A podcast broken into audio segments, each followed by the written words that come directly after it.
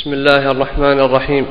والصلاة والسلام على نبينا محمد وعلى آله وصحبه أجمعين. اللهم اغفر لنا ولشيخنا وجميع المسلمين. قال الشيخ حافظ حكم رحمه الله. قال إمام أهل السنة أحمد بن حنبل رحمه الله تعالى من قال القرآن مخلوق فهو عندنا كافر. لأن القرآن من علم الله وفيه أسماء الله.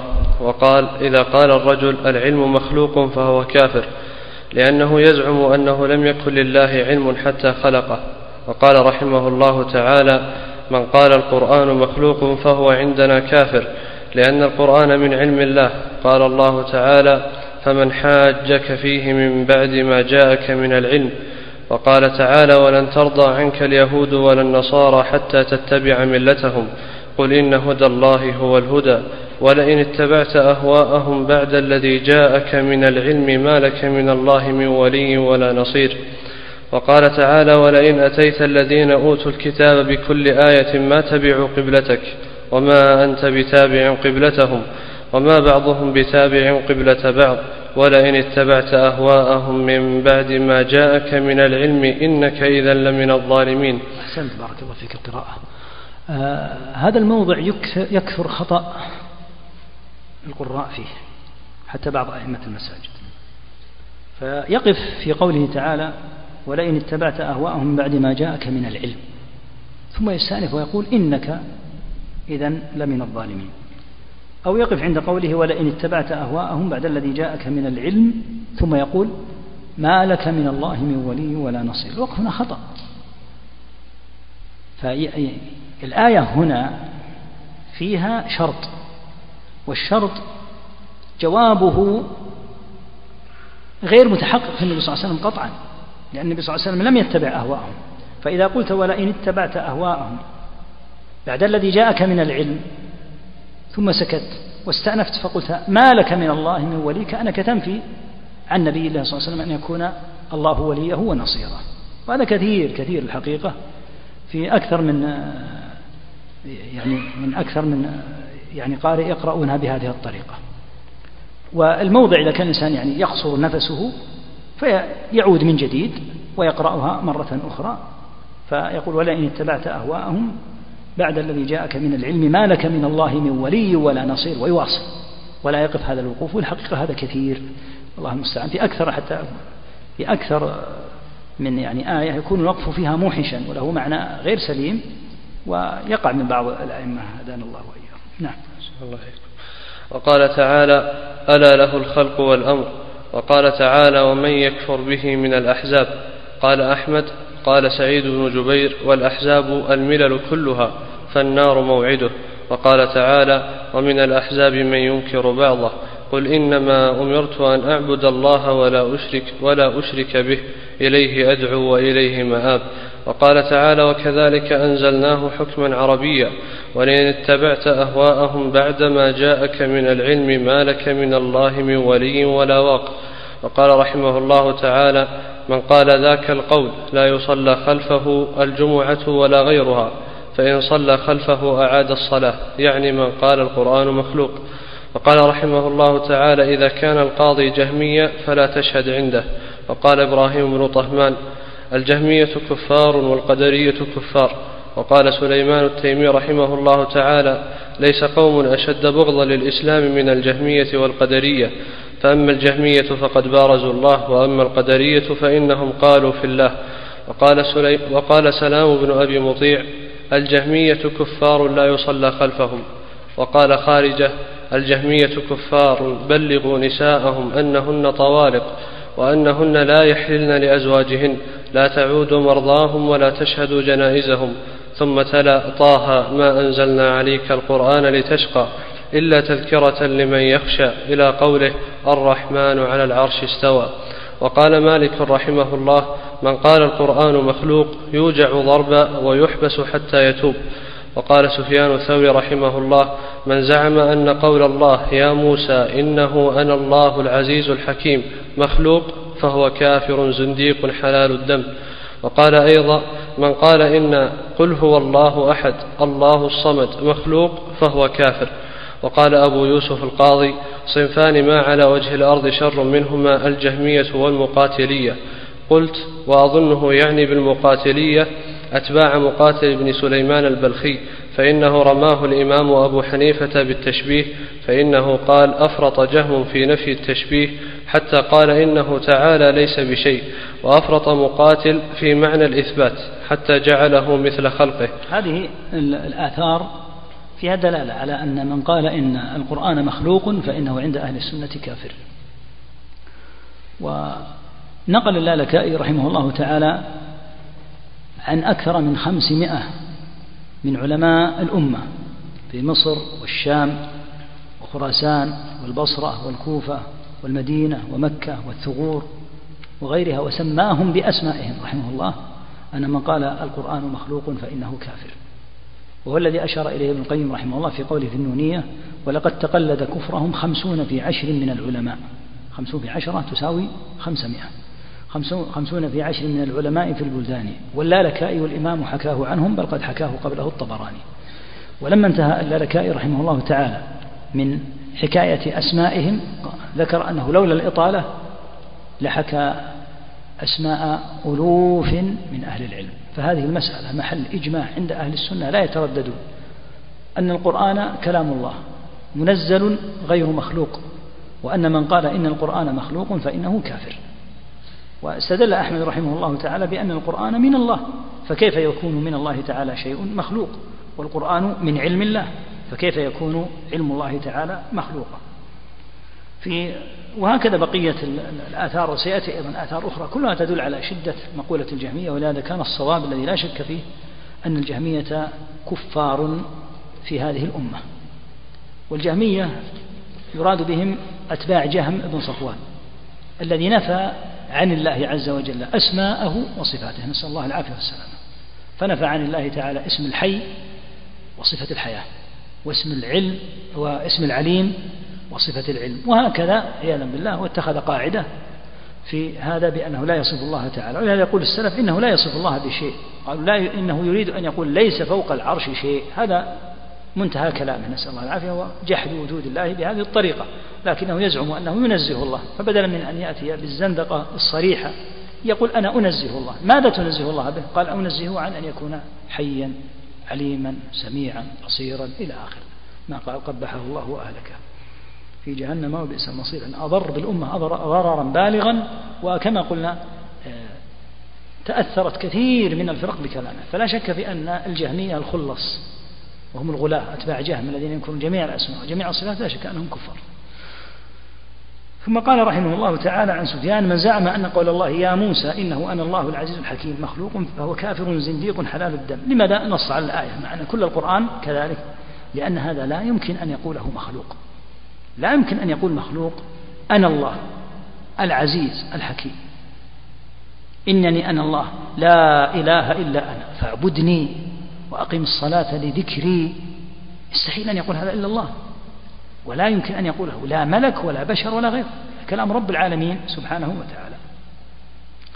أما قول أبي يوسف رحمه الله تعالى في المقاتلية هؤلاء أفرطوا أنه لا يوجد يعني أن أشد صنفين على الأمة في شرهم. الجهمية هذا واضح والمقاتلية يقول يحتمل أنه يريد مقاتل ابن أبي سليمان المفسر المعروف. وقد رمي بأنه يقول بالمبالغة عكس الجهمية. الجهمية ينفون ما أثبت الله وهذا أفرط وبالغ فيما أثبته الله لنفسه. قالوا حتى وصل إلى حد تشبيه الله عز وجل بخلقه. ولهذا قال أبو حنيفة جاء عن أبي حنيفة أنه خرج من ترمذ أو من خراسان رأيان خبيثان جهم مشبه ومعطل ومقاتل مشبه. لكن نازع بعضهم في شأن مقاتل. وشيخ الإسلام رحمه الله يقول مقاتل الله أعلم بحقيقة حاله. والأشعري اللي هو أبو الحسن صاحب كتاب المقالات ينقل من كتب المعتزلة لأن المعتزلة هم الذين صنفوا في الفرق هذا مراده. المعتزلة صنفوا في الفرق. جاء الأشعري وصار ينقل عنهم أن مقاتل ابن سليمان يقول كذا وجهم يقول كذا. فالأشاعرة جاءوا وهم أكثر من اعتنى بالفرق بعد مؤلفات المعتزلة وكانوا ينقلون من كتب المعتزلة. يقول الشيخ رحمه الله مقاتل الله أعلم بحقيقة حاله والأشعري ينقل من كتب المعتزلة وفيه من وفيهم انحراف على مقاتل. فلعلهم زادوا في النقل عنه. فما أظنه يصل إلى هذا الحد. يقول ما أظن يصل إلى هذا الحد مما رموه به من جهات التشبيه. وإن لم يكن يحتج به في الحديث هذه مسألة أخرى. مقاتل الحديث لا يحتج به. لكن أن يكون قائلا بالتشبيه على هذا الذي ذكره يقول شيخ الإسلام يمكن أن المعتزلة زادت وبالغت فيه نعم. وتابع أبا حنيفة على ذلك جماعة من أئمة الجرح والتعديل من أقرانه كأبي يوسف وغيره فمن بعدهم حتى قال ابن حبان كان يأخذ من اليهود والنصارى من علم القرآن الذي يوافق كتبهم وكان يشبه الرب بمخلوق وكذبه وكيع وغيره والله أعلم بحاله قال وكيع مات مقاتل بن سليمان سنة خمسين ومائة انتهى. مقاتل ابن سليمان قلنا ابن أبي سليمان. مقاتل ابن سليمان نعم. مات مقاتل ابن سليمان سنة خمسين ومائة. وقال عبد الله بن المبارك الجهمية كفار. وقال ليس تعبد الجهمية شيئا. وقال من قال القرآن مخلوق فهو زنديق. وقال إن نستجيز أن نحكي كلام اليهود والنصارى ولا نستجيز أن نحكي كلام الجهمية. كلام النصارى كلام كفار لا يدعون أنهم على الإسلام وهو واضح الفساد. أما الجهمية فيدعون أن هذا الذي هم عليه هو دين الإسلام ويلبسون معنى الآيات. لهذا يضطرب العامة إذا سمعوا كلامهم مع ما عندهم من خبيث الأسلوب في التلبيس. ثم يقولون في النهاية إنهم يعظمون الله تعالى وينزهونه. فلهذا يقول ابن مبارك نحن نستجيز أن نحكي كلام اليهود والنصارى لأنهم كفار. إذا سمع المسلم أن أحدا يقول إن المسيح هو الله وابن الله قال هذا نصراني مباشرة. لكن أن يأتي الجهمي ويلبس ويقول إني أعظم الله وأنزه الله عز وجل وإن الرب تعالى حين قال الرحمن على العرش استوى كان المراد استوى كذا. لا شك أنه يلبس على الناس. يقول فنحن نستجيز أن نحكي كلام اليهود والنصارى ولا نستجيز أن نحكي كلام الجهمية نعم. وقال سفيان بن عيينة القرآن كلام الله. من قال مخلوق فهو كافر ومن شك في كفره فهو كافر. يعني ممن يعي ما في القول من الخبث. أما من يجهل فيعلم. بعض الناس لا يدري.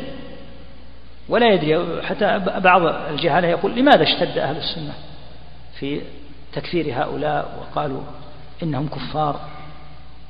نقول لأنك لا تدري ما الذي يترتب على هذه المقالة؟ الخبيثة والخطيرة.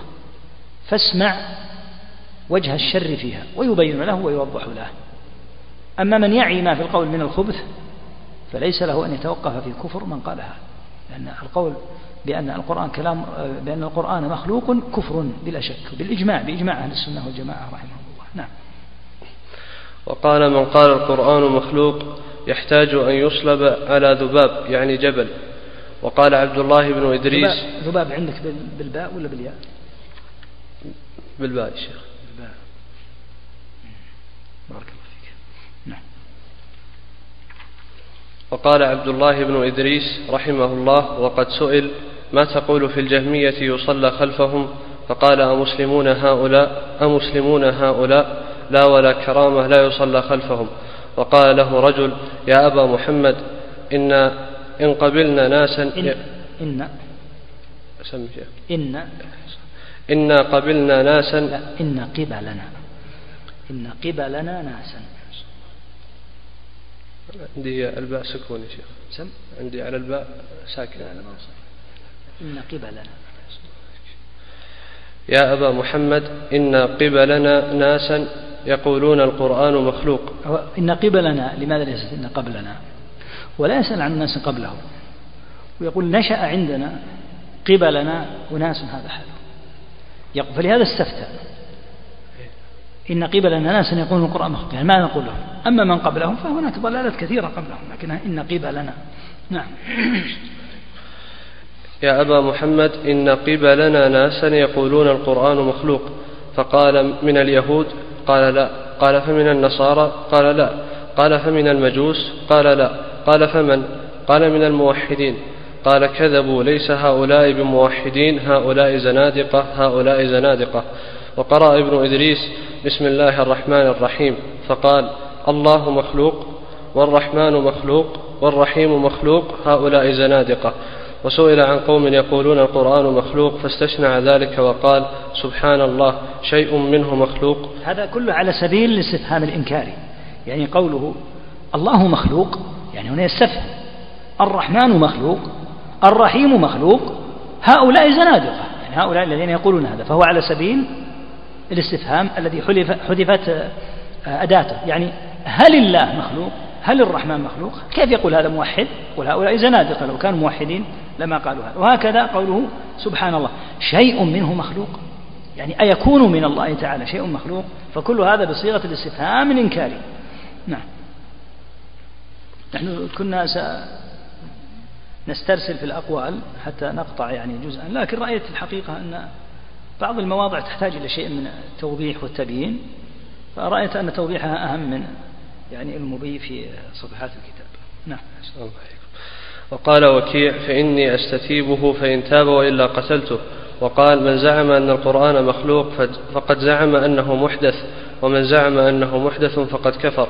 وقيل له إن فلانا يقول إن القرآن محدث. قال سبحان الله هذا الكفر. قال السويدي وسألت وكيعا عن الصلاة خلف الجهمية فقال لا تصلي خلفهم. وقال من زعم أن القرآن مخلوق فقد زعم أنه محدث يستتاب فإن تاب وإلا ضربت عنقه. وقال ابن زهير ابن حرب اختصمت أنا ومثنى فقال المثنى القرآن مخلوق وقلت أنا كلام الله فقال وكيع وأنا أسمع هذا كفر وقال من قال القرآن مخلوق هذا كفر فقال مثنى يا أبا سفيان قال الله ما يأتيهم من ذكر من ربهم محدث فإيش هذا؟ أيش هذا هذه أيش أصلها؟ أي شيء منحوتة فتقرأ هكذا أيش هذا. فأيش هذا؟ فقال وكيع من قال القرآن مخلوق هذا كفر. وقال من, من قال القرآن مخلوق فهو كافر. نعم هؤلاء جهلوا معنى الآية. قوله عز وجل ما يأتيهم من ذكر من ربهم محدث. ليس معناه أنه مخلوق معاذ الله من ذلك. بل المراد ما يأتيهم من, رب من ذكر من ربهم محدث أي جديد إنزاله كما قال ابن كثير رحمه الله. ونقل قول ابن عباس رضي الله عنهما الذي رواه البخاري في شأن القرآن أنه أحدث الكتب.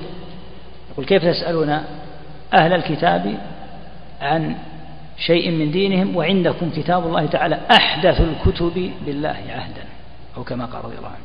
ليس المقصود معاذ الله أن القرآن محدث أنه مخلوق. هل القرآن يدل على قول الكفر؟ نسأل الله العافية من ذلك. بل المقصود أن هذا القرآن جديد إنزاله قطعا جديد إنزاله لأن الإنجيل قبله بمئات السنين قبله التوراة كذلك وقبلها الزبور كذلك قبله الصحف صحف إبراهيم. فليس المقصود بقوله تعالى محدث أنه مخلوق وإنما المقصود أنه جديد في إنزاله. نعم. وقال من قال القرآن مخلوق فهو كافر. وقال رحمه الله القرآن وهذا أيها الإخوة حقيقة يعطي أهمية كبيرة للعناية بمعاني النصوص وأن لا يفهمها الإنسان من نفسه. انظر الآن هؤلاء فهموا آية في القرآن استدلوا بها على ماذا؟ على الكفر. استدلوا بها على كفر. وهذا يدل على أن الإنسان إذا أحسن الظن بنفسه ولا سيما ممن لا علم عنده وصار يقرأ في الآيات القرآنية ويفهم على ما يريد أو في الأحاديث النبوية هذا باب خطير للغاية. وهذا سبب ضلال كثير من الشباب الآن. إذا أتيت إليهم في كثير مما استحلوه من الدماء أو نحوها وجدتهم يستدلون بأحاديث. الأحاديث صحيحة. لكن نقول غبي عنكم ما قاله ابن عمر رضي الله عنه إنهم انطلقوا وهو في البخاري معلق إنهم انطلقوا إلى آيات نزلت في الكفار فأوقعوها على المسلمين. كل هذه الآيات التي تستدل بها في في محلها لو كان هؤلاء يهود أو نصارى أو كفار. أما أن تستدل بالآيات النازلة في الكفار على المسلمين فأنت ما فقهت. الآن هذا يستدل بالآية هذه ما يأتيهم من ذكر من ربهم محدث على الكفر على قول الجهمية نسأل الله العافية والسلام. وهكذا استدلالات الرافضة والخوارج وغيرهم المعتزلة يدل على خطورة أن يفهم القرآن هكذا فهما من تلقاء الإنسان يفهمه الإنسان من تلقاء نفسه. القرآن ولله الحمد بينه النبي صلى الله عليه وسلم بينه الصحابة والتابعون رضي الله عنهم بينه المفسرون المنضبطون على مسلك أهل السنة. أما أن يأتي الإنسان إلى هذه النصوص العظيمة فيخبص فيها ويستدل بها على ما اختاره لنفسه دون علم فإن قد تقع في مثل هذا السؤال. يقول إن قوله تعالى ما يأتيهم من رب من ما يأتيهم من ذكر من ربهم محدث أي مخلوق؟ الإنسان يحذر ولا يحسن بنفسه الظن. ولله الحمد القرآن بين المعاني. كما قال عمر بن عبد العزيز رحمه الله تعالى فإن قلتم أين آية كذا فقد قرأوا منه ما قرأتم وعلموا منه ما جهلتم. يعني القرآن قرأه الصحابة قبلك وفسروه. فلماذا لم يصلوا إلى ما وصلت إليه؟ لأنك جهلت ما علموه. نعم. وقال رحمه الله القرآن كلام الله أنزله جبريل على محمد صلى الله عليه وسلم. كل صاحب هوى يعرف الله ويعرف من يعبد إلا الجهمية لا يدرون ما يعبدون. بشر المريسي وأصحابه. نعم لأنهم وصفوا الله وصف من جهل الله تعالى ولم يعلمه حقا.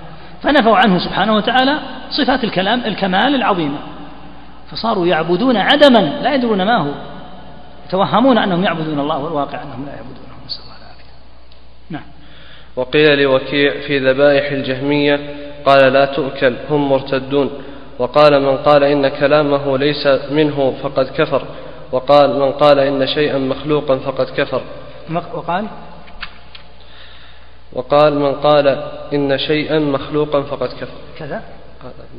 لا لا ساقط عندك. إن منه شيء مخلوق أكيد هناك شيء مخلوق. لكن الإشكال في قولهم إن منه. وقال إن منه. وقال من قال إن منه شيئا مخلوقا فقد كفر. أي, أي من قال إن من الله تعالى شيئا مخلوقا فقد كفر. وقال من قال إن من الله شيئا. قال إن منه. أي من الله؟ إن منه. من قال إن منه شيئا مخلوقا فقد كفر. وقال فطر بن حماد سألت معتمر بن سليمان فقلت يا أبا محمد إمام لقوم يقول القرآن مخلوق أصلي خلفه. قال ينبغي أن تضرب عنقه. أن تضرب أن تضرب عنقه يعني من قبل الوالي. نعم. ينبغي أن تضرب عنقه. قال فطر وسألت حماد بن زيد فقلت يا أبا إسماعيل إمام لنا يقول القرآن مخلوق أصلي خلفه فقال صل خلف مسلم أحب إلي. كل هذا تأكيد على أن هؤلاء ليسوا مسلمين. الصلاة خلفهم لا تصح أكل ذبائحهم لا يصح. مثل ما تقدم في قوله أبلغوا نساءهم أنهن طوالق. كل إذا إذا قيل بردة الجهمية فجميع أحكام المرتد تجرى عليهم. نعم. وسألت يزيد بن زريع فقلت يا أبا معاوية إمام لقوم يقول القرآن مخلوق أصلي خلفه؟ قال لا ولا كرامة. وقال عبد الرحمن, وقال عبد الرحمن بن مهدي من زعم أن الله لم يكلم موسى يستتاب فإن تاب وإلا ضربت عنقه. وقال مرة لا أرى أن أستتيب الجهمية. وقال رحمه الله الفرق. الفرق هنا إذا قال لا أرى أن أستتيب الجهمية يعني أقتلهم مباشرة حتى لو قالوا سنتوب هذا المعنى. أما إذا قال أرى أن أستتيبهم يعني أنهم يحبسون ويطلب منهم أن أن يكفوا عن قولهم الباطل وأن يقولوا بقول أهل الحق فإن تابوا خلي سبيلهم هذا المعنى. نعم. وقال رحمه الله لو كان لي من الأمر شيء لقمت على الجسر فلا يمر بي أحد من الجهمية إلا سألته عن القرآن. فإن قال مخلوق ضربت رأسه ورميت به في الماء. وقال أبو بكر ابن الأسود لو أن رجلا جهميا مات وأنا وارثه ما استحللت أن آخذ من ميراثه. وقال أبو يوسف القاضي جيئوني بشاهدين يشهدان على المريسي والله لأملأن ظهره وبطنه بالسياط يقول في القرآن يعني مخلوق. بارك الله فيك.